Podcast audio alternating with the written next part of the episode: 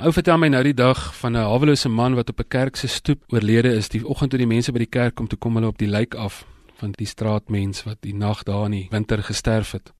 Hulle reaksie daarop was hulle het dadelik gevoel hulle moet iets doen aan hierdie saak. Hulle reaksie daarop was om 'n verkeining op te sit, om 'n palisade om die kerk te sit.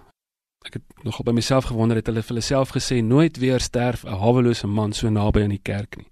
Dit was my vreemd wat ek het gedink, wat 'n visserman doen dit, span die, die nette om die visse uit te hou. Ons nie veronderstel om vis te vang nie.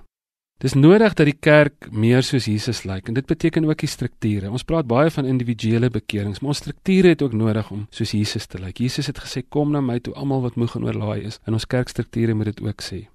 By Jesus kry mens hierdie idee dat die evangelie die beste verkondig word nie vanuit 'n veilige posisie of vanuit 'n posisie van mag nie, maar vanuit 'n weerlose posisie dat liefde nie geloofwaardig is as dit oor 'n afstand geskree word nie. Maar liefde word geloofwaardig as jy so naby kom dat jy dit kan fluister. As jy so naby kom dat die een vir wie jy sê ek het jou lief, jou kan seermaak. In Jesus se geval dat ons hom kon doodmaak. Liefde gaan oor nabyheid. En ek dink ons manier van kerk wees is partykeer net te smart vir 'n stuk in 'n wêreld. Ons is net te veilig en te ver en te gemaklik. Nie dat ons nie oor die heining nog steeds kos wil aangee of nou en dan 'n vakansie uitreik doen of 'n bietjie omgee vir mense nie, maar Jesus het meer as dit gedoen. Hy was tussen die mense, hy het deel geword van ons wêreld. Hy het afgekom aarde toe en saam met ons hier kom beweeg. So naby dat hy weerloos was. En ek dink is 'n groot les vir ons om te leer en dis een van die redes hoekom die vroeë kerk so effektief was. Hulle was saam met die weerloses van hulle wêreld, weerloos. Ons word ook geroep om naby die aarde te beweeg. Die laaste ding wat iemand van 'n volgeling van Jesus moet kan sê, is dat hy 'n snop is of dat sy neerkyk op mense wat arm is en swaar kry of haat praat van mense van ander kulture of wat ook al.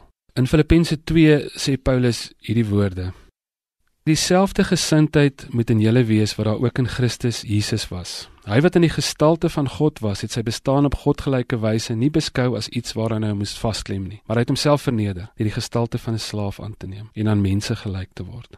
En toe hy as mens verskyn het, het hy homself verder verneder. Hy was gehoorsaam in die dood, ja, die dood aan die kruis.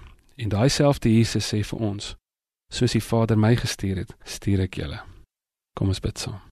Here help ons om naby die aarde te beweeg. Help ons om toeganklik te wees. Help ons om nie neer te kyk op die swaar kry in hierdie wêreld of mense wat anders as ons is nie. Maar gee vir ons u hart, u wat u lewe gegee het vir die wêreld. Help ons ook om ons lewens te gee vir hierdie stukkende wêreld. In Jesus Christus se naam. Amen.